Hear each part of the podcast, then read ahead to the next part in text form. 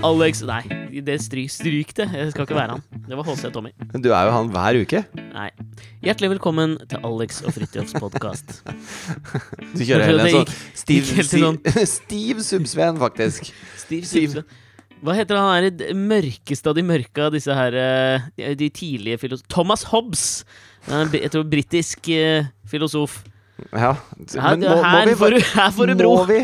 Altså, jeg prøver å lage en podkast om liksom ting som skjer i hverdagen, og ikke sant, nå er det glatt ute, og trikken traff en bil her, for han så seg ikke for. Og, Ingen som vil høre på. mens du Det er Thomas Hobbes, og det er Heisenberg, og du kjører på. Nei, Heisenberg. Mannen bak atombomben. ja, det var det. Ja. Men eh, Grunnen til at jeg tenkte på Thomas Hobbes, bare si det fort, jeg føler at han kan Jeg skal gi en kjapp bare bro over der. Han kan jo passe litt inn til oss. En jævla dunkel raddis av en filosof. Skal vi tippe sånn 1500-tall? 1600-tall, det tipper er jeg? aldri Som Det er aldri noen som har omtalt verken deg eller meg som en dunkel raddis. Nei! Men det er derfor Nå følte jeg at jeg hadde den der dunkle raddis-velkommenen. Fordi eh, jeg, jeg prøvde å tone ned HC og Tommy eh, På en måte kompatibiliteten her. Du vet åssen ADHD. ADHD er på et spekter, ikke sant? hvor du har fra dette til dette. Og hvis, Ja. hvis du er helt på høyresida, så er dunkel raddis er helt på venstresida. Jo, men er ikke raddis litt sånn eh, altså Det er jo, så fremt du ikke er en sofaradikaler, så er det jo forbundet også med å være Altså, Er det bare meg, eller forbi, er det litt forbundet også med Molotov-cocktails? Du er ikke liksom uten ADHD. Altså, Gutta i gata, disse brødrene i gatas parlament, Borg, hva er de heter de, Borgersrud-brødrene, de er ikke liksom Er de De er ikke helt i venstre Du kødder nå, eller? Elling Du har sitert Gatas parlament kanskje 1400 ganger. Jeg møter dem hele tida også. De altså, er jo rundt på du løkka er her. grunnen, Du er grunnen til at hver gang det ringer, så hører jeg deg synge inni hodet mitt 'Det ringer, det ringer, Simen kan det være, den militære makta springer ut ifra geværet'. Hver gang noen ringer, så tenker Ja, jeg det et bitte lite De har samme etternavn, ja. Jeg er dårlig på Så du navn, kan ass. tenke deg den double troublen jeg har hvis det ringer og jeg går i trapp, for allerede tenker jeg på deg, og så ringer det, og så kommer den i tillegg. Men hør nå. Jeg, altså, jeg, er nødt til å, jeg er nødt til å bare klare opp igjen ting når det gjelder hvor dårlig jeg er på navn. Fordi at Ja. eh, For to eller tre dager siden så plutselig kom jeg hjem eh, drassende med Jonathan i et helvetes slapsedritt-møkkaføre. Ja. Eh, Jeg jeg- trodde du skulle si at du kom drassende med feil unge. Nei, nei. Det har ikke så mye med navnet å gjøre, det har med gjenkjent face recognition. Og så har jeg da barnevogn i den ene hånda, ikke sant? fordi han sover i barnevogna. Han sover fremdeles i barnehagen, så jeg må ha med barnevogna hver dag. Og i tillegg har jeg han Sover han fortsatt? Ja. Jeg bare kødder. og i tillegg så har han i et akebrett bak, da. Eh, og jeg elsker når de, når de kaller det snøkaos, det kan jeg leve med. Men sånn fuckings slapsedrit, det klarer jeg ikke å leve så bra med. Men jeg skal ikke prate om været. Det som skjer når jeg kommer Nei, hjem, bra. er at utafor døra mi så står det en gammel vaskemaskin. Sånn helt inntil trappa på gata. Og dette har skjedd et par ganger før. Hvor det er plutselig Plutselig sto en, plutselig sto en sofa utenfor garasjeporten. Og aner ikke hvem som har satt den der. Og så når folk ser en sånn eh, løen sofa stå på gata, så kaster de søppel på den. Så den blir en sånn søppelhaug. Og så fikk jeg brev fra kommunen at nå hadde jeg 24 timer på å fjerne sofaen og all søpla. Og så er det jeg, da. Ikke sant, som er opp på sta ja, Eller et sameie, liksom. jo, men noen. Og vi er bare tre uh, stykker i sameiet som fungerer. Og jeg har jo lest opp noen brev som florerer i det sameiet, så jeg har ikke lyst til ja, å innlemme alle sammen med en gang. Det er Nei. lettere å gå på Statoil, leie en henger og kjøre den dritten til, til dynga. Men i I deg, da, i, i forlengelsen av raddispraten her, så er det jo på en måte Du, y, du yter jo etter evne her. Det kan vi vel si. Ja, det syns jeg. Og så ser jeg plutselig da en vaskemaskin stå rett utafor døra, og så tenker jeg "Ja, nå er det i gang igjen. Nå er det, nå. Og sånn vaskemaskin er så tunge, og jeg har vondt i ryggen, og jeg orker ikke å, å drive med det. Og så prøver jeg å banke på litt dører for å, å sende litt meldinger til de som bor her. Og sånn, om det er noen som har satt, vet hvem som har satt vaskemaskina ut på gata. Og så er det liksom Nei, vi hørte noe dunking her om dagen, og kanskje det var de, og bla, bla, bla. Ikke sant? Så florerer det litt Det rundt. er jo, er jo ekstremt Jeg syns jo jeg ble, jeg ble også, øh, Sånne ting som blir satt igjen på gata, det fascinerer meg ofte. Fordi det er jo sånn Og det, dette høres veldig sånn poetisk og løgnaktig ut, men det er veldig ofte sånn at du ser én sko. Jeg blir alltid sånn fascinert av sånne ting som glemmes igjen på gata. En sko. Eller en vaskemaskin. Spesielt hvis det er noen som har Ja, som har fraktet vaskemaskinen igjen, det er ingen som har glemt igjen en gammel vaskemaskin på gata. Det er Nei, helt det er å ikke det. glemme igjen. Ja, men jeg tenker også, du glemmer jo ikke igjen én sko. Du merker om du går med liksom én høyhælt sko og én uten. I den forrige leiligheten min på Majorstua så kom jeg hjem en kveld, kanskje klokka halv tolv på en fredag. Og så i trappa, for da bodde jeg i første etasje, og i trappa som gikk videre opp, så lå altså alle klærne til en mann og en dame. Det syns jeg var fascinerende. Da har de begynt i den trappa liksom, klokka 11 på en fredag. Eller 10 eller 9, Eller eller, gudene veit for. For når? Det syns jeg var fascinerende. Det, da, er du, da er du kaut, ass. Ja, da har du hast. Har ikke vært så kaut på mange år. Og så at jeg bare river av meg alle klærne i trappa på vei til leiligheten min, liksom. Det, det er så Nei, jeg tror ikke jeg har vært så kåt noen gang. Ja, men det er noe som er forbeholdt sånne Californianske um, villaer som har Eller mansions som har sånn dobbelttrapp, du vet. Eller nei, texanske villaer. Ja, ja. Av en oljemagnat som har sånn dobbelttrapp. Du vet, sånne Alt- trapper som går opp på hver Alt dette baserer du på Dallas. Ja, Utelukkende basert på Dallas og J.R. Ewings sexvaner. Ja. Hvem vet hvordan de var? Ikke det at Dallas var en slags mykpornogreie, men der har jeg følelsen at det er i sånne trapper du bare hiver av deg klærne fordi du er så kaut Ja. at du bare Men da er ikke klarer å holde deg. Det er ikke to sånne trapper i et kollektiv, eller det bor ingen andre der. Og det er greit liksom Nei. inne hos Ja, deg sjøl. det. Er det jeg mener. Mm, men i en offentlig trapp eh, Men i hvert fall så står Ja. det en vaskemaskin her, og jeg prøver å finne ut av hvem dette er sin. Og så skal jeg ned nå for å kaste søpla. Og da eh, har denne eh, geniale skurken som har satt den vaskemaskinen der Han har Kan jeg da tippe? Kan jeg tippe? Ja. For dette føler jeg er en gjennomgangs En sånn- slags en gjennomgangstema når det kommer til sånn å sette fra seg ting. Fordi, og jeg kan kjenne meg litt igjen nå, for jeg er i litt samme situasjon sjøl. Okay. Jeg, jeg missa eh, sjansen nå på her, vi, vi bor jo ikke så veldig langt unna, si 100 meter unna mm, Kastellet brannstasjon. Mm. Og etter jul så syns jeg alltid det er litt sånn hassle med det juletreet som skal kastes et eller annet sted. Men her er det en superfin ordning, hvor jeg bare kan drasse det bort til Kastellet brannstasjon, så blir det henta der. Ja. Og det er, det er null stress. Det er topp. Men så, men så missa jeg eh, den eh, opphenting eh, juletreopphentingsdagen med én dag. Ja, du trodde jula varte helt til påske? Ja, og så gjorde den ikke det. Den varte bare til pinse eller olsokk eller jonsokk eller hvem faen veit når. Men jeg bomma i hvert fall. Mm. Så nå ligger dette juletreet ute. Eh, og så har jeg sett nå at det har kommet en container hagen, på parkeringsplassen. Jeg har det på terrassen. Ja. Eh, men nå, jeg har jo ikke sett det på lenge, for det har jo vært snø over det. Mm. Mens nå, når det har begynt å smelte, så kom det, så kom det fram igjen. Og, og med det kanskje sånn den dårlige samvittigheten hos meg. Og det er der, i dette her, så gjenkjenner jeg noe som jeg håper at jeg har rett nå, da. Fordi jeg øh, føler at jeg har opplevd veldig mange ganger med sånne sofaer Hvis jeg har sett noen sånne store ting ute, Mm. så klistrer man på en sånn klistrelapp som er sånn 'ta meg'. Ja, ja. Og da er det alltid noe jævla ræl, ikke sant. Det er en sånn bokhylle hvor noen har liksom Ja, hvor det er liksom brukket litt av halve hylla og sånn, så er det sånn Ja. Bare ta meg, jeg er gratis! Ja, Så er det sånn, hater det der. Nei, det er det det ikke. synes sorry, Du er foreldreløs. ja, det. det var ingen som gadd å brenne deg engang. Nei. Men i hvert fall. Så kom jeg da ned øh, Men det var ikke det som hadde skjedd der, altså. Nei, for da kom jeg ned, og så går jeg forbi li- Liksom ned i garasjen min, som er Mm. rett under bygget. Og der er søppelbøttene. ja, men jeg prøver prøve bare at du presiserte det. lage en scene her, ikke sant. Og så kommer jeg ned, og der det hadde jo vært står mer overraskende om du hadde beskrevet dette som Og så gikk jeg opp til garasjen min, som ligger faktisk oppå toppen av bygget. Ja, tok jeg bilheisen opp til takgarasjen. Nei, men i hvert fall. Og der står Lite Ja, kompatibelt men faen, med! Grünerløkka. Lite kompatibelt med Grünerløkka å ha sånn der som jeg føler rike mennesker har. Hvor du kjører inn på parkeringsplassen, og så har du en slags kavalett som snur bilen din, sånn at du skal slippe å rygge ut igjen. Nei, det er bare, det er bare Tokyo og Hongkong og sånn jeg har sånne ting. Men Ja, i LA. hvert fall, i Uansett. fuckings hvert fall, nå må du høre, Ja. så kom jeg ned, og der står altså pappen til en helt ny vaskemaskin. Foran alle søppelkassene. Så tenkte jeg sånn Ok, hvis han er, hvis han er så dum Hvis han er så dum at han har satt Du hadde ikke giddet å brette sammen pappen var heller. ikke forsøkt bretta. Nei. Tenkte jeg, Nå skal jeg søren meg se om det er en slags sånn derre leveringslapp på denne her. Sånn at navnet til denne idioten står der, ikke sant? Ja. Og så er det jo det. Og der står det et uh, dobbeltnavn og et etternavn, ikke sant? Eh, ja. oss Si navnet, da! eh, eh, eh, Si et av fornavnene, da. Si han heter Carl Fredrik Lagerfeldt, da, for eksempel. Det var noe sånt noe. Lagerfeldt? Det han- er altfor porscht Ja, det- til å kunne sette fra seg. Så ser jeg at det er Carl Fredrik Lagerfeldt som har satt igjen denne, denne vaskemaskinen, da. Ikke sant? Mm. Og da blir jeg litt sånn fylt av harme inni meg. Så jeg Vrede, ass! Ja, men jeg bare Åh, fy fader, nå skal jeg finne ut hvem faen denne Carl Fredrik Lagerfeldt er. Uh, og så, i samme moment Da går jeg liksom opp fra garasjen igjen. Det var noen Sa du akkurat i samme moment? Ja. Kaut, moment. Nå mangler du bare kaudervelsk, så har du sagt alle tre ordene du aldri sier. Ikke vær så kverulant nå. Men i hvert fall så går jeg opp, og så idet jeg skal gå inn døra, så kommer det uh, min nærmeste nabo, han som bor vegg i vegg, kommer ut døra. Og så sier jeg Du, vet du hvem Carl Fredrik Lagerfeldt er? Mm. Og så sier han ja, det er meg, det. Og, Du veit ikke hva han er! og det er min nærmeste nabo.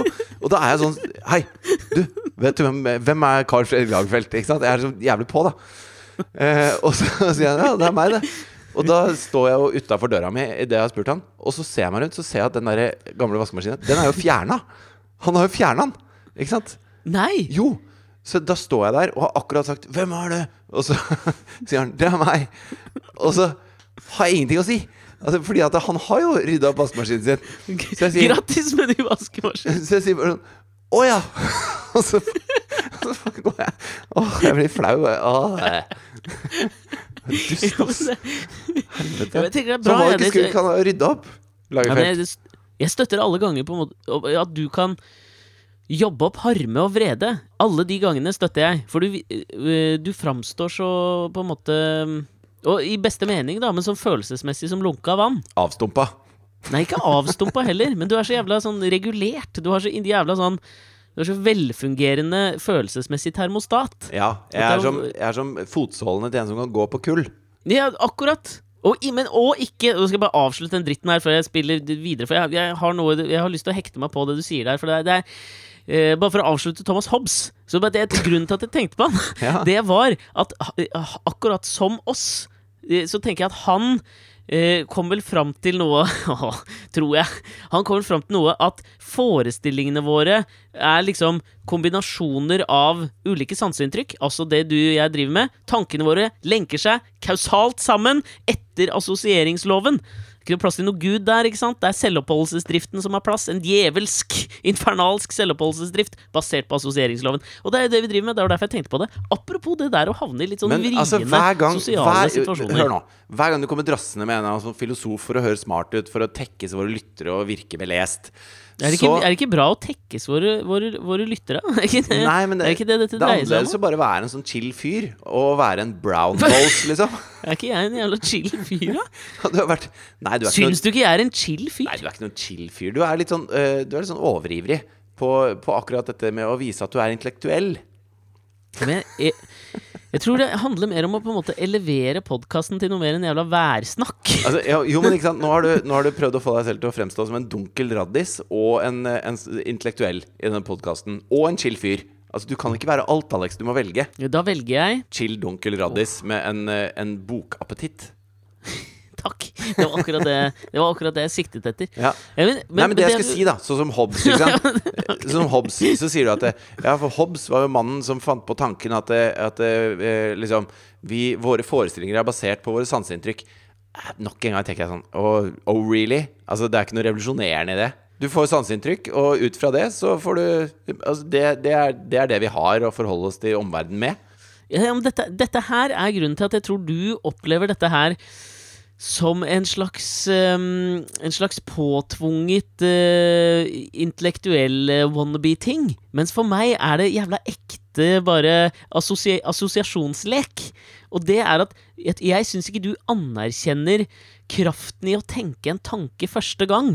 Så det er ikke bare det at det er sanseinntrykk, men det er at Jo, men kombinasjonen er altså, at, tenkt at at, ok. forestillingene våre er bare forskjellige kombinasjoner av sanseinntrykk. Det ikke sant, Den dunkle øh, Den dunkle tanken der gir visse ramifikasjoner i hvordan du oppfatter hele samfunnet. Jo, men- Du gjør, da, da kan du bare kysse Gud farvel. Det, hadde, det var ikke liksom Hvem kom før han? Descartes.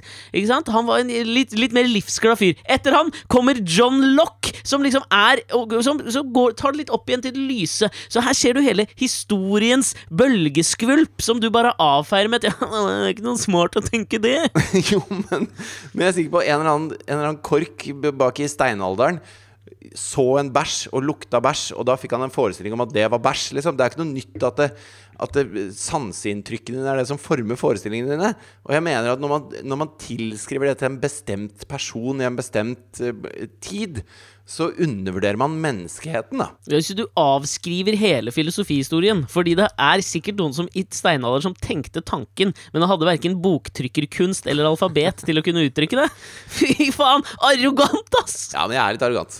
Det er greit, Ja, det. det er greit. Ok, Hva var det du Da ville? er det din, det er det det din greie. Ja. Nei, men jeg ville hekte meg på den opplevelsen din, fordi jeg har hatt den opplevelsen siste uka også som, eh, som eh, Jeg opplevde det som vrien. Ok. Eh, spesielt i dagens klima, med tanke på hva som har skjedd siden sist vi spilte inn podkast, så har jo halve Fremskrittspartiet fått Alzheimer og husker ingenting. Noe jeg syns er en veldig fascinerende sånn PR-strategi nå.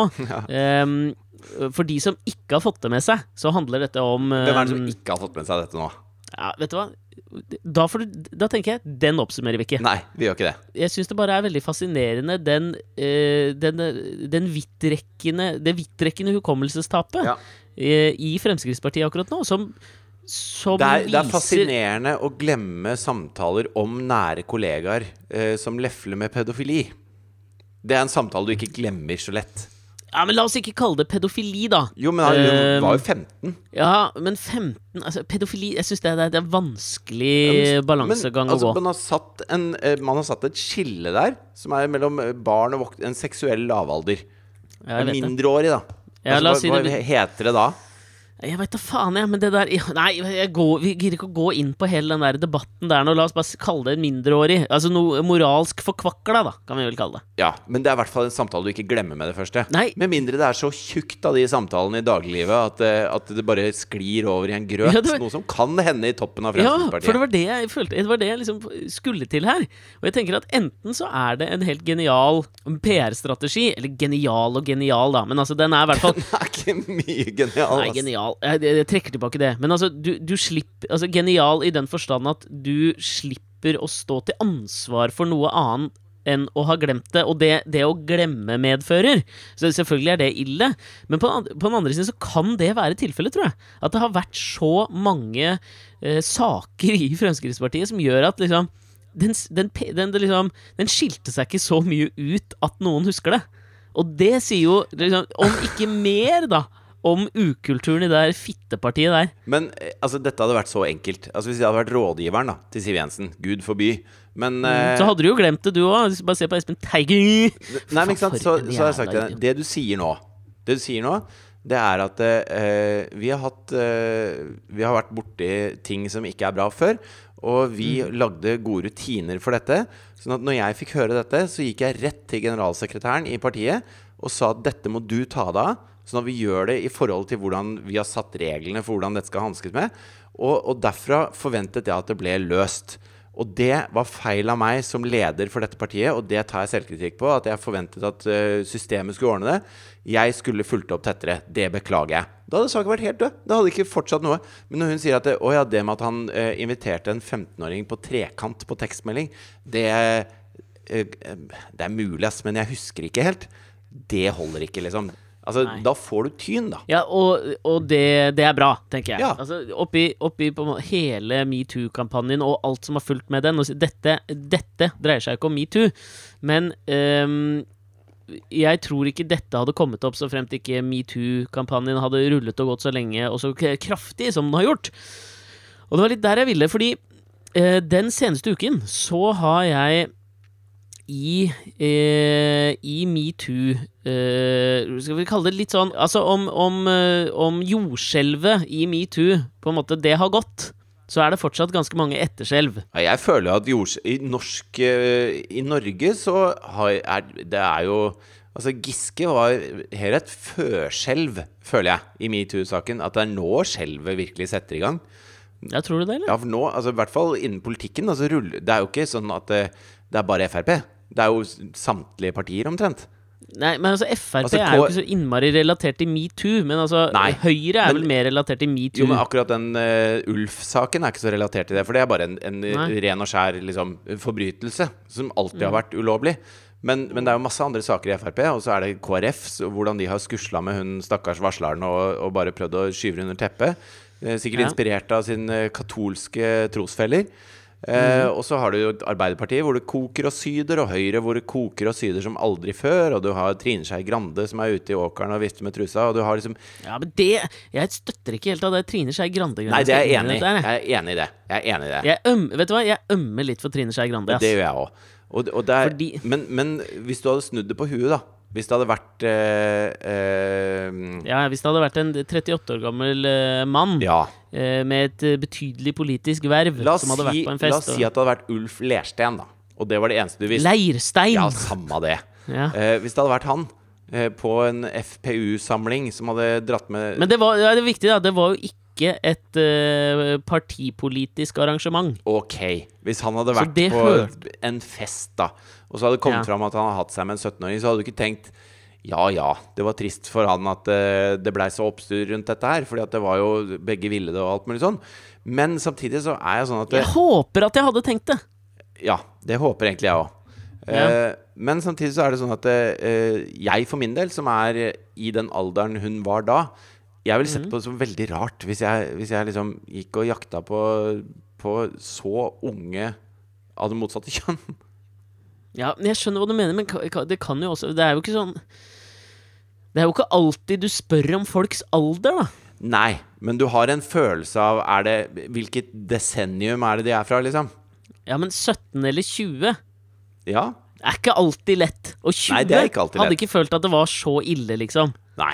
Jeg er enig i det. Så jeg syns at, jeg at den venstresaken Den synes jeg er noe annet. Og, og hvert fall Jeg fordi syns den den kom hører fram privatlivet til. Den Og spesielt siden den kom fram gjennom fuckings Resett. Den mest søplete unnskyldninga for å kalle seg et journalistisk produkt sponset av jævla Spetalen han Haudemann Andersen, som kanskje er to av Norges største rasshøl, som tilbyr 400 000 kroner til en fyr for å stå fram. Det skal vi få jævla amerikansk-britiske tilstander her. Altså, det er ikke sånn det funker, og jeg har ikke lyst til at det skal funke sånn. Og han ville jo ikke ha saken fram, han som uh, hun hadde hatt seg med. Han takka nei til de pengene. Ja, Og allikevel så skriver de saken. Men Spetalen, han er en fascinerende type. Altså øh, Jeg så jo Han han sitter faen meg i PFU, gjør han ikke det? Jo, det er mulig han må ut derfra nå, da. Det var mye snakk Ja. om at det, altså, eh, Han kan ikke sitte i pressefaglig utvalg og bestemme hva som er god presseetikk når han holder på sånn. Eh, men det som er eh, eh, fordi, eh, Har du sett den 'Da boblene brister'? Den eh, filmen om disse kraftkommunene som investerte i, bo Nei. i Nei, jeg har ikke sett den. Nei, ikke sant? De var med på hele krakket, da, for de hadde kjøpt masse Ja. sånne ræva lån borti USA. Og når eh, Lehman Brothers og alle disse gikk konk, så gikk jo disse kraftkommunene også konk. ikke sant? Og så ble det laget en utrolig bra dokumentar hvor de ordførerne der, som jo ikke skjønner kvartmeteren av hva som skjer på Wall Street, selvfølgelig Og de skjønner jo ikke at Wall Street er en gjeng med skurker som bare har liksom gjort det til et yrke å lure nettopp sånne som dem.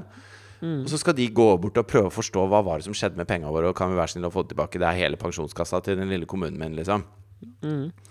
Og da eh, kommer Spetalen inn og, som intervjuobjekt. Og han er jo da en investor, ikke sant. Han, han er jo så vellykket investor at jeg vet at folk sitter og følger med på hva han gjør. Og han har en egen Spetalen-effekt på Oslo Børs. At hvis han investerer i noe, så renner det på med folk som har lyst til å investere i det han investerer i. Så han har brukt det et par ganger til å biffe opp en aksje. Eh, bare ved å, altså Han vet ingenting om firmaet, han bare kjøper noe, og så vet han at da kommer det eh, masse andre og kjøper, så prisen blir pusha opp, og så selger han med en gang igjen, så har han tjent litt penger.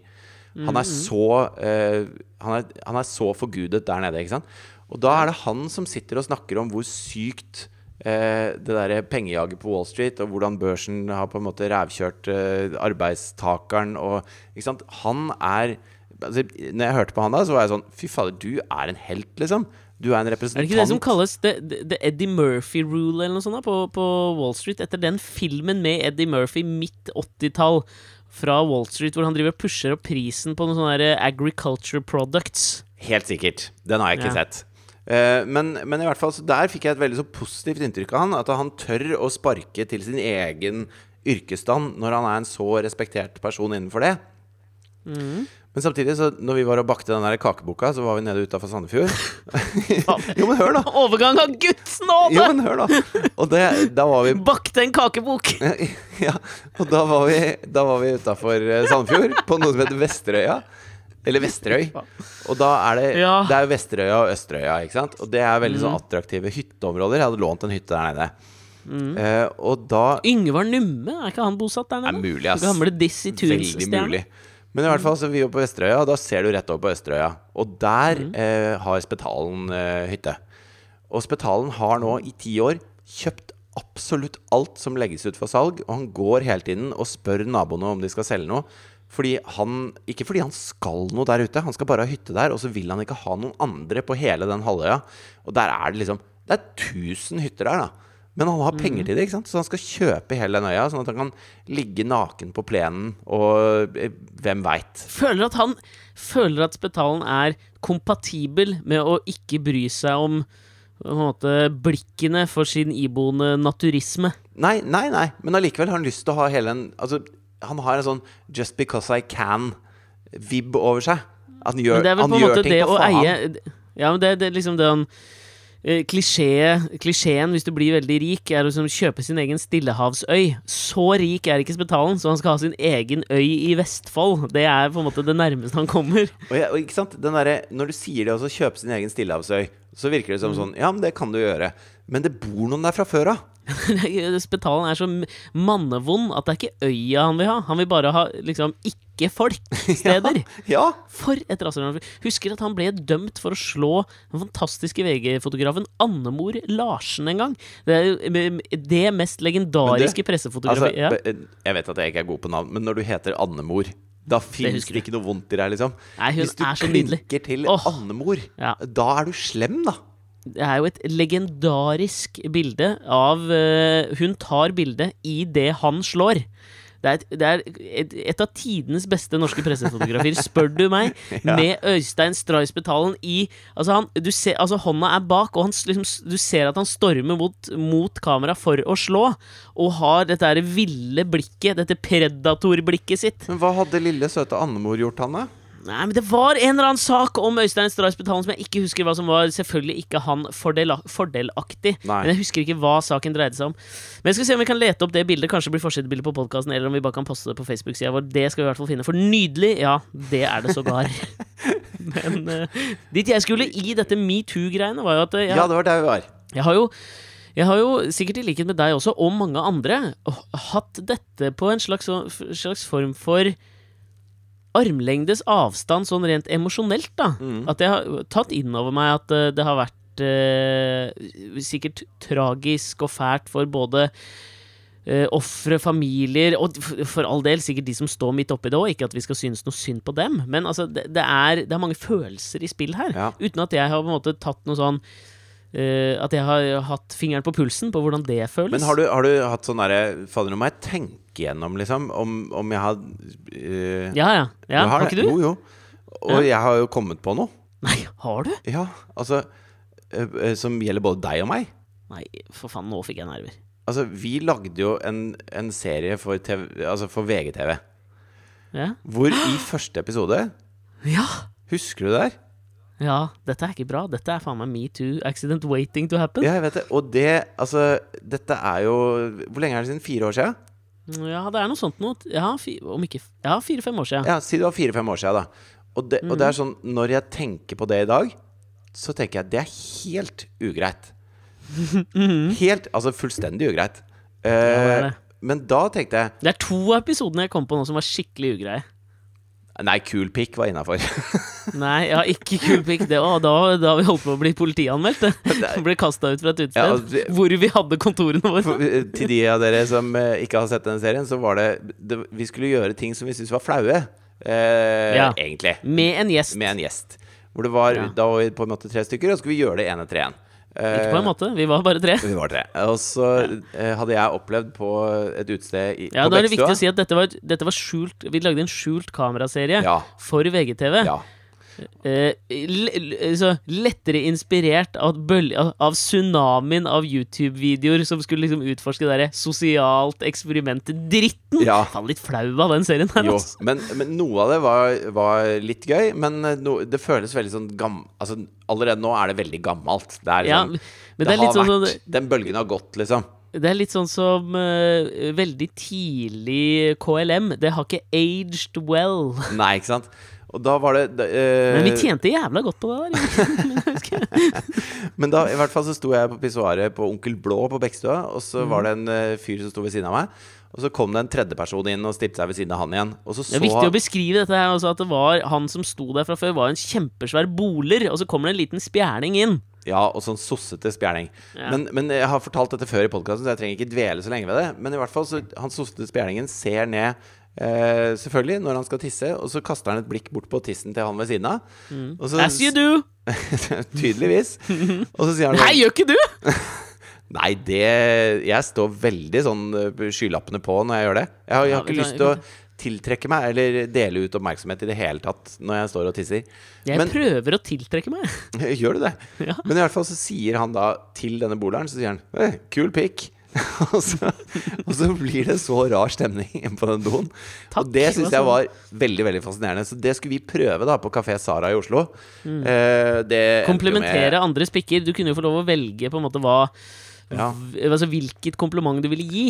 Fett jern, eller altså Man kunne si hva man ville, liksom. Ja. Eh, Så trakk jo jeg det korteste strået. Da hadde vi med oss Kristoffer Reinsfeldt Arnesen, som i seg sjøl er en gammel referanse. Og han er jo også kongen av gamle referanser. Gammel Kykelikokos-programleder på NRK. Stuntreporter for P3 var det en stund. Ja, han jobba lenge i P3. VG-lista topp 20 var han på. Har jobba veldig mye med Kristoffer Schou og gjengen, har han ikke det? Jo, det tror jeg. Og nå jobber han i TV 2. TV 2 jobber nok. Programlederansvarlig i TV 2. Verdens, altså Norges mest utakknemlige jobb. Ja.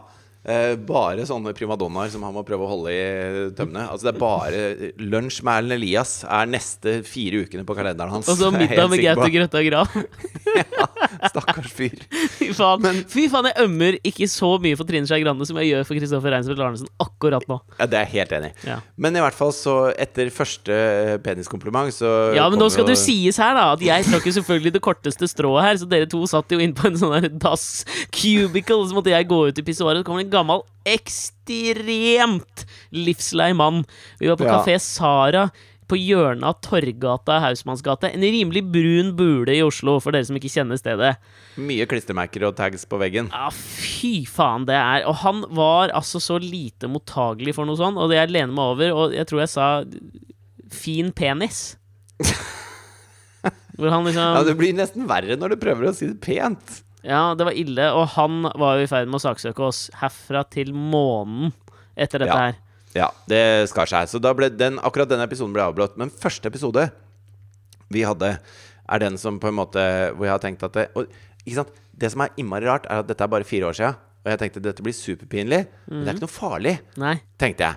Og det samme tenkte VG. Altså VG sendte jo episoden på VGTV og syntes det var kjempegøy. Og det var liksom at man skulle eh, gå bort Jeg blir helt flau bare jeg sier det nå.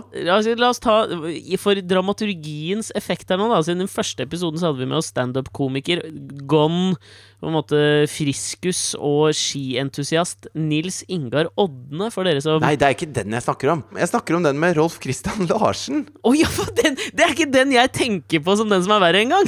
Nei, fordi, men er, den med Rolf Christian Ja, er er jo suverent verst. Rolf Christian Larsen, for dere som ikke vet hvem han er, så er det altså skuespiller Rolf Christian Larsen, rødhåra fyren fra 'Mannen som elsker Yngve', Max Manus osv., eller? Jeg har vært med i masse, masse ting. Eh, Ja. Det var jo helt flaut at vi ba han være med på dette her. Men han eh, stilte opp, han altså. Det var til og med pilotinnspillingen. Det var det første vi gjorde. Men ja, fordi at den jeg tenkte på med Nils Ingar Odne, var jo kanskje ikke så ille. Så var den jeg tenkte du sikter er hvor vi skulle bare gå bort og sjekke opp damer på en litt sånn flau og dårlig måte, og så feige ut midt i oppsjekkinga. Så den var Jeg tenkte, skjønte liksom ikke hvorfor er, den var det så er ille. helt greit. Det er Men helt greit. den med Rolf Christian Larsen, det var jo på en måte en slags omvendt metoo, da. Uh, hvor hele uh, poenget var at vi skulle gå bort Vi skulle gå altså, det føles så jævlig kjipt å si nå. Ja. Vi skal gå over til fremmede menn. Vi var på, vi var på Løkka, tror jeg. Vi var på Olaf Ryes plass. Skulle Ja. stå og vente på trikken. Stemmer det? Og så skulle vi ta fremmede menn på PMI. Det var mye penisfokus i den serien, merker jeg. Ja, det var det, altså. Vi skulle ta fremmede menn, på penisen. Ja, og det er jo ikke Altså, det er jo sånn Det er liksom vårt grab them by the pussy moment. Altså. Det er ikke bra, det greiene her. er, nå er vi faen meg i selvransakelsens øh, vold Men, her. men altså, det, det, som er, det som er så jævlig merkelig her nå, det er at det for meg i dag, altså i eh, januar 2018, Mm. så syns jeg det er Altså, jeg, jeg rødmer og svetter her jeg sitter nå, fordi jeg Ja, syns ja. dette er så fælt, Nei, liksom. det der er ille. Det Eh, er faen meg ille. og, men, og det er bare fire år Og siden, vi gjorde det òg, vet du. og vi gjorde det. Vi Og, og de folka syntes det var greit, og, og eh, mer eller mindre i hvert fall. Noen av dem syntes det var greit. Ja, ja, Eh, Det var vel men- noen outtakes der som ikke var så pene. ja, det så var vidt det. jeg kan huske. Men det var ingen som ble sinte, liksom. Njå! Eh, husker Bortsett fra han en? ene, kanskje. Ja, det var deg, det. Men, men det var ikke noe problem, liksom. Nei, Eh, det var det ikke. Det var det ikke. Det var ikke det. Og- Og det er fire år siden. Og, og når VG så det, så tenkte VG ja, dette er kjempegøy. Og de har PFU i ryggen og sender Mm. dette på altså, kringkaster kringkastere og alt mulig sånn. Sånn at hvis du tenker på hvor langt det har beveget seg på bare fire år, da Men oppi dette, da.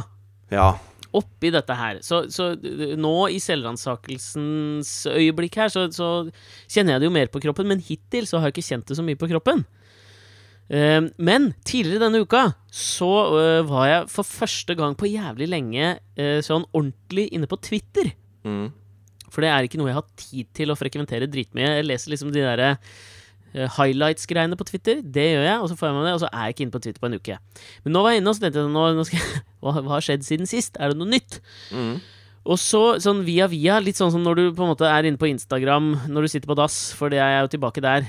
Eh, så plutselig er du inne på fetteren til eh, eksens eh, søster, og plutselig kommer bort til like, og så er det dritflaut. Altså, du, du vet, du bare Du ramler via ting på sosiale Ja. medier. Ja. Og så kom jeg inn på en tråd på Twitter som er eh, jævla ubehagelig sånn i metoo-øyemed. Og jeg er jævla usikker på hva jeg skal gjøre med dette her. Fordi Hvem, hva er det de snakker om, og hvem er det? Nei, altså Problemet er jo at øh, jeg kjenner jo øh, personen de snakker om. Og jeg kjenner han ganske godt. Han er, han er i nær familie med noen som jeg kjenner veldig, veldig godt. Ok. Uh, og uh, det er liksom Det er mye. Jeg tok screendumps av det, og det er liksom én, to, tre, fire, fem, seks Seks stykker som på en måte har lignende historier om denne fyren. Okay. Og eh, nummer én, da, som jeg tror sikkert mange tenker når noen de kjenner veldig godt, havner oppi sånne metoo-skandaler. Mm. Eh, tror jeg. Fordi det var det første jeg tenkte. Var jo, da jeg leste den første liksom, som begynner med sånn Ja, apropos creepsters. I 2010 fikk jeg noen skikkelig creepy eh, DMs, altså sånn direkte meldinger fra bla, bla, bla, bla, bla, om amming og sex. Og mannen min drakk melka mi, var det vel. Han ble den første jeg blokkerte på Twitter. Ok. Um, og det første jeg tenker er jo selvfølgelig For jeg kjenner jo denne fyren øh, veldig godt. Og det Ja. første jeg tenker er selvfølgelig Altså, han er en av de liksom sånn mest joviale, øh, smarte, nydelige, liksom varme menneskene jeg kjenner. Han er helt topp. Hel ved, liksom. Terningkast seks type. Ok. Så jeg, det første jeg tenker er selvfølgelig Nei, dette kan ikke stemme. Dette er noen som prøver å bare sverte noen. Men så er ikke han i en sånn posisjon Han er ikke Harvey Weinstein, liksom. Bare, bare for å forstå dette rett, er dette noe han vet om at noen anklager ham for? Eller Nei, er det, masse folk som skriver Altså, skriver ting om han? Jeg antar, altså, han, eh, han er jo aktiv, en aktiv tvitrer, så jeg antar jo bare at han har fått det med seg. Ja. Men, men det, det er oppi her jeg liksom, sånn, er jævla usikker på hva jeg skal gjøre. Fordi det første jeg tenker er Nei, dette stemmer jo ikke. Men så finner jeg liksom flere og flere som svarer på dette her, da. Som sier liksom nøyaktig det samme, og som har blokkert, og som er ditten, og som er datten. Og det, her er det ikke Men er det sånn at han prøver seg noen- på folk på Twitter da og skriver slibrige greier, liksom? Ja, altså det er ikke noen sånn fysiske ting. Ikke det at jeg skal prøve å på en måte for formidle det, altså, men Um, men det er, ikke, det er ikke snakk om at noen har, har liksom på Twitter stått fram med noen sånne Weinstein-historier eller eh, Giske-historier eller Tonning Riise-historier, for den saks skyld. Men det er liksom slibrig dritt. Ja. Og, og det mener jeg Det er ikke noe å unnskylde det heller. Nei, nei. Men, men la oss si at hvis du måtte gradere det, mm. så er det verre om det er fysisk. Jo, men det er jo den graderingen som mangler litt foreløpig, og som, som verden prøver å Ikke det at vi skal se gjennom fingra på det andre, det er ikke det jeg mener i det hele tatt. overhodet ikke. Altså, til og med mord er gradert med fire forskjellige grader, Ja. som vi har snakka om før. Så, så det er klart at det fins grader av eh, på en måte eh, det å misbruke makt Ja, det, det er mange måter dette her skjer på. Og det er forskjellige grader av al alvorlighet, men det betyr ikke at det som er minst alvorlig, ikke er alvorlig. Ja, men det, det er litt sånn som Trine Skei Grande, da. At det, ok, men det, det er ikke uh, I utgangspunktet tilhører det på en måte privatlivets sfære, og det er liksom ikke Det er ikke en metoo-skandale, og det er ikke noe sånt, men allikevel så må det være mulig å kunne snakke altså sånn, Når det først er oppe nå, så må, kunne vi, må vi kunne snakke om det som kanskje litt problematisk, med tanke på at vi skal vurdere våre politikeres uh, slags moralske Kompass? kompass, ja. Og, og samtidig klare å skille mellom det og at Ulf Leirstein inviterer eh, foreslår å invitere en 15-åring til en trekant. Fordi at det eh, altså, Bare for å trekke tilbake til den VGTV-serien vi hadde. Det blir sånn derre oppriktig Liksom Som jeg, som jeg, har, jeg har tenkt ganske mye på det siste uka. Det er jo det at? Alle de tingene vi gjorde i den serien, er jo liksom uh, ting vi har kommet på uh, fordi det er ting vi aldri ville gjort. Ikke sant? Som er pinlig og flaut. Men under den paraplyen at uh, dette er noe TV-greier vi lager, så er plutselig liksom Da er det plutselig en annen virkelighet du jobber innenfor. Ja, Så plutselig er mer lov. På en eller annen måte. Og det er jo egentlig ikke det. Men, men det er en annen Nei, nei, nå snakker jeg om følelsen. Fordi Ja, det følelsen du, følelsen du det er sånn- av litt. Ikke sant? En, en ting vi gjorde som var helt sånn uskyldig, men som jeg syntes var utrolig pinlig, var å gå etter folk, eh, og så eh, komme opp på siden, og så, og så bare begynne å leie dem mens Ja. vi smilte. Eh, helt fremmede. Og bare for å se hvordan de reagerte på det. ikke sant? Og Det jeg var Det er sånne ting jeg aldri ville gjort med vilt fremmede eh, på privaten. Og jeg synes det var forferdelig rart å gjøre det da. Men det var, det var gøy, og de reagerte veldig kult, og mange begynte å le og, og syntes det var morsomt, liksom. Ja, og si Eh, hva du vil, da, så var jo alltid vår motivasjon at det ikke skulle være fælt for de involverte, men skulle være flaut for oss. Absolutt. Men så er det liksom Når man ramser opp dette nå, så, så, er det jo, så har vi jo uh, tråkka feil på en del ting. Jeg syns jo det er helt uh, forferdelig å tenke på det nå, fordi at det, det er skikkelig ugreit. Ikke sant? Men det som er rart, er at ja. eh, Syns du det er helt forferdelig? å gå bort til fremmede og ta dem på tissen, syns jeg er skikkelig ugreit. Ja, akkurat den er jeg enig i. Akkurat den, eh, den tenker jeg tilbake på med forferdelse. Jo, men det at, man, det at man i sitt eget hode, uten å merke det, da fordi at Da metoo-kampanjen begynte å rulle, så tenkte jeg altså, Det har jeg gjort hele veien. Jeg applauderer og tenker yes og heier, liksom. Eh, og så tenker jeg at uh, nå kan vi endelig få justert noen ting i samfunnet som trenger å justeres. Og, og vi kan eh, på en måte eh, unngå en normalisering av atferd som ikke er greit, ikke sant? Og som er utafor. Ja, så Unngå det som skjer i USA med, med Trump. Ja. Du normaliserer en politisk virkelighet som er så far-fetched fra det som bør være normalen. Ikke bare i en politisk. virkelig, virkelighet. Ikke bare Nei, men- politisk, Nei, men absolutt i- ikke. Men altså, du skjønner hva jeg mener? At det liksom øh, På en måte Medianen forskyver seg. Og Ja. det er det vi prøver, må prøve å dytte tilbake. Og det er jeg helt enig i at det er det som er viktig med metoo. Og bare det at vi sitter og reflekterer over noe vi har gjort for fire år siden nå, mener jeg bekrefter metoos eksistensgrunnlag, og, og grunnen til at det bør være fortsatt fokus på det. Ja, det, men det som er så jævlig mindjob for meg, da, det er at jeg føler ikke at jeg har flytta meg i huet. Jeg føler at jeg alltid har eh, forsøkt å behandle mennesker rundt meg bra, og forsøkt å være en ordentlig fyr og en ålreit og være hyggelig og? Prøve å gjøre ting riktig. Og jeg har jo selvfølgelig eh, det er sikkert ikke alle som syns jeg er like hyggelig, men, men eh, det har vært mitt mål hele veien. Og jeg føler ikke at mitt verdigrunnlag eller mine eh, ikke sant? Jeg, jeg føler ikke at jeg har forandra meg så mye på det. Nei, men så men merker jeg da, når, når jeg nå i januar i år sitter og ser tilbake på hva vi faktisk lagde og sendte på VGTV for fire år siden, så eh, får jeg litt sånn klump i halsen av det. Ja, men vi er, Det, det syns jeg er rart at ikke jeg merker at jeg har utvikla meg, men at eh, he, jeg har forandra meg helt, og hele verden har forandra seg helt. Ja, men nummer én så er vi jo alle ofre for vår samtid i det henseende, og nummer to så er dette her eh, Dette er liksom Frans Kafka-prosessen, ikke sant? Em, at eh, Blant mange ting så dreier jo den boka seg om alle de små tingene som skjer, som du ikke legger merke til, som ender i noe uh, som er drastisk. Ikke sant? Det at du du kan gjennomgå en hel haug med ting som du på en måte ikke registrerer at endrer deg. Men når den store endringen kommer, så virker den overraskende. Men hvis du klarer å se tilbake altså, Og det er jo jævlig vanskelig, for det husker du ikke, i likhet med Siv Jensen. Nei, nei. Alle de små Jeg husker ikke hva naboen min du har- heter engang. Nei, ikke sant? Spesielt ikke du. Så klarer du på en måte ikke å så, så, så burde ikke det vært en overraskelse. Men da er vi, da er vi på en måte i, i samtidens vold, ikke sant? At det ikke føles feil der og da, eller føles ikke rart at noe sånt skjer da og da. Så jeg, jeg syns ikke det er så rart. Ikke det at det skal på en måte unnskylde. Nå var vel det Dustin Hoffman prøvde å måte, bruke som unnskyldning for sine sånne metoo-anklagelser, at det var en annen tid, etc., etc. Men samtidig Horseshit. Ja, det er litt horse shit, fordi at det, det moralske kompass, kompasset har i utgangspunktet ikke flyttet seg så umerkbart 180 grader. Jeg syns det er pinlig, da. Jeg syns det er flaut at vi gjorde det. Uh, jeg tror Ja, ja. Altså, det var ingen som uh, Det var ingen som led noe nød under de opptakene, og det var, det var ikke noe som, eh, som var noe egentlig ille der. Det var, det var flaut dumt. Ja. Men, men jeg syns det er veldig flaut å prate om det nå, for i, i nåtiden da, så er det jævlig umusikalsk.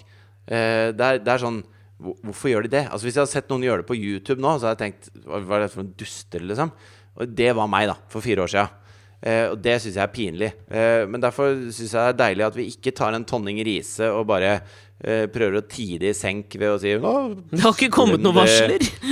Ja, ja, det har ikke hørt noe Ja, det- Altså, Vi har ikke ringt VGTV og sagt må passe på at ingen får se det der noe mer. Men vi tar det opp nå, liksom. Det synes jeg, sånt syns jeg er viktig.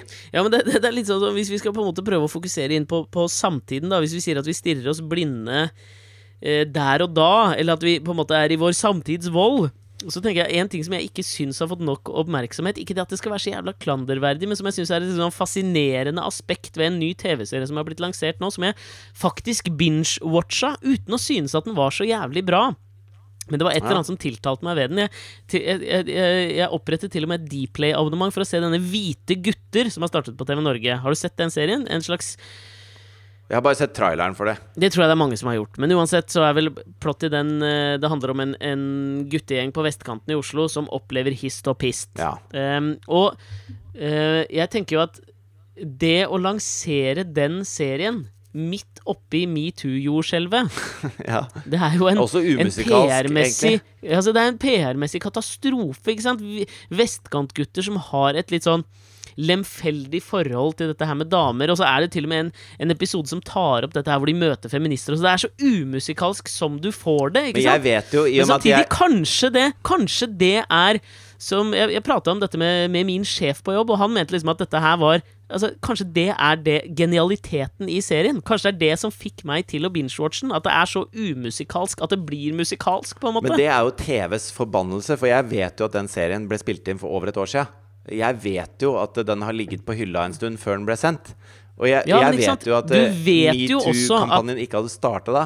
Du vet jo også at Dplay turnarounden er jævla mye raskere enn hvis den hadde gått lineært på TV Norge, så de kunne ha forskjøvet den. Men kanskje de er PR-genier på TV Norge. Hvem vet? Det får ettertiden si. Ja, det får ettertiden si. Og, og hvis vi skal ta uh, på en måte det, Grunnen til at det, det ikke ble noen sesong to av den der eh, Alex og Fridtjof gjør idiotiske ting på gata, Mm. det var jo det at det, hele den der YouTube eh, må, Måten man gjorde skjult kamera på på YouTube for å gjøre eh, sosiale, gøyale eksperimenter, har eskalert så jævlig. Ja. Og jeg så en i dag som jeg jeg syns Jeg eh, ble sånn dårlig inni meg. Jeg, det er en fyr som da, for å vise eh, hvor lite folk passer på unga sine, så går han på lekeplass med sjokolade. ja, den har jeg sett. Jeg har sett Og så, og så sitter det en far på en benk, liksom, og det er en helt tom lekeplass. Det er bare faren og den sønnen på den lekeplassen.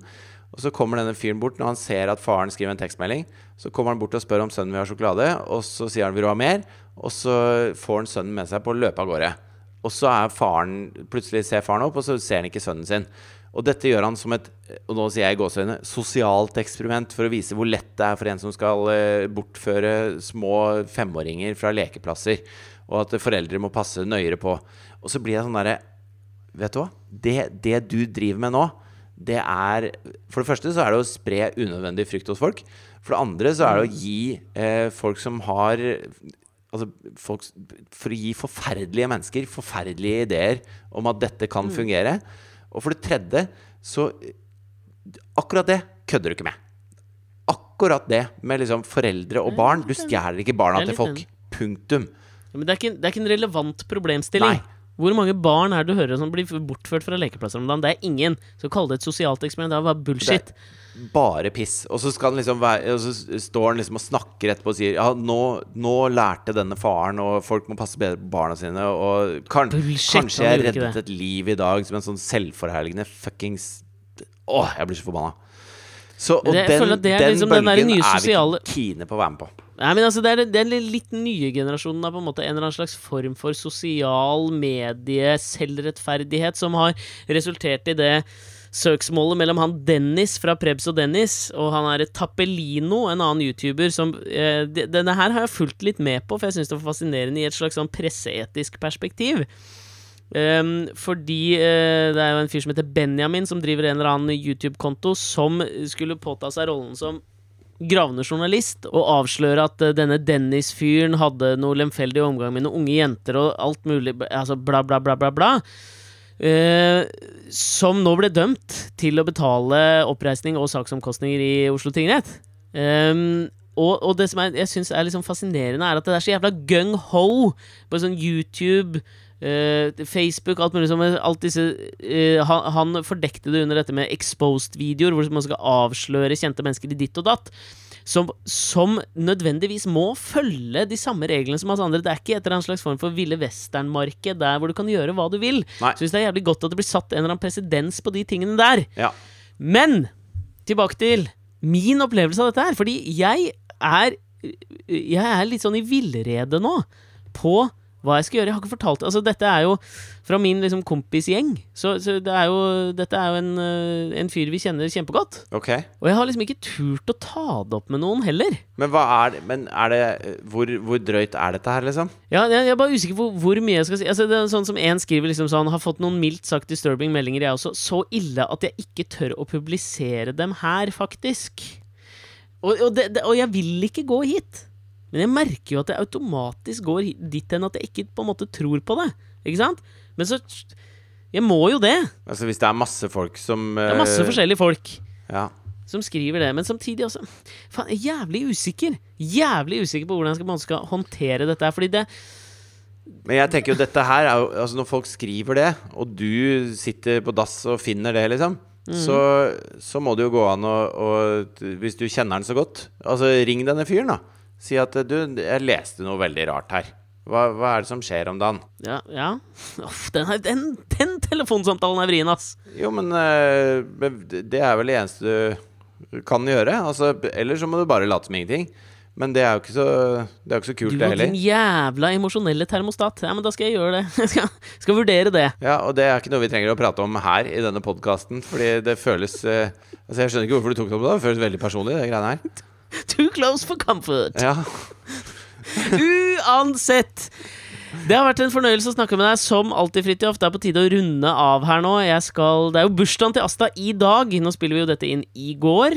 I dag er det fredag. Asta fyller fire år. Til og med jeg blir forvirra av det greiene der. Ja, men jeg skal opp øh, klokka fem i dag. Nå kan dere tenke dere, hvis dere hører dette på fredag, at jeg har vært oppe siden fem, stekt vafler fordi hun vil ha vafler på senga mens vi synger bursdagssangen. Ja. Jeg skal prøve å legge fra meg alle metoo-skandaler og obskøne eller kjipe tekstmeldinger. Tenke litt mindre som Thomas Hobbes, litt mer som Descartes, eller kanskje til og med John Locke. Føle at det er deilig at du setter meg litt på plass i denne, øh, som du tolker det til, øh, viseintellektuelle greiene sine, som jeg mener bare er en ektefølt måte å levere podkasten på. Oppi alt dette her sitter dere og lytter på podkasten. Hvor lenge klarer jeg å prate nå før du kom med en øh, innskytelse? Nei, Jo, altså, jeg kan det eneste jeg kan si, er i morgen Bare pass på at du ikke er en dunkel raddis når datteren din har bursdag. Prøv å være en, en lystig far. Jeg skal være så lystig som mulig. Jeg har til og med kjøpt uh, sånn mikrofonstand i gave. Oi, oi, oi. Tenker at vi starter dagen med noe Asta da ba om i går, eller i dag.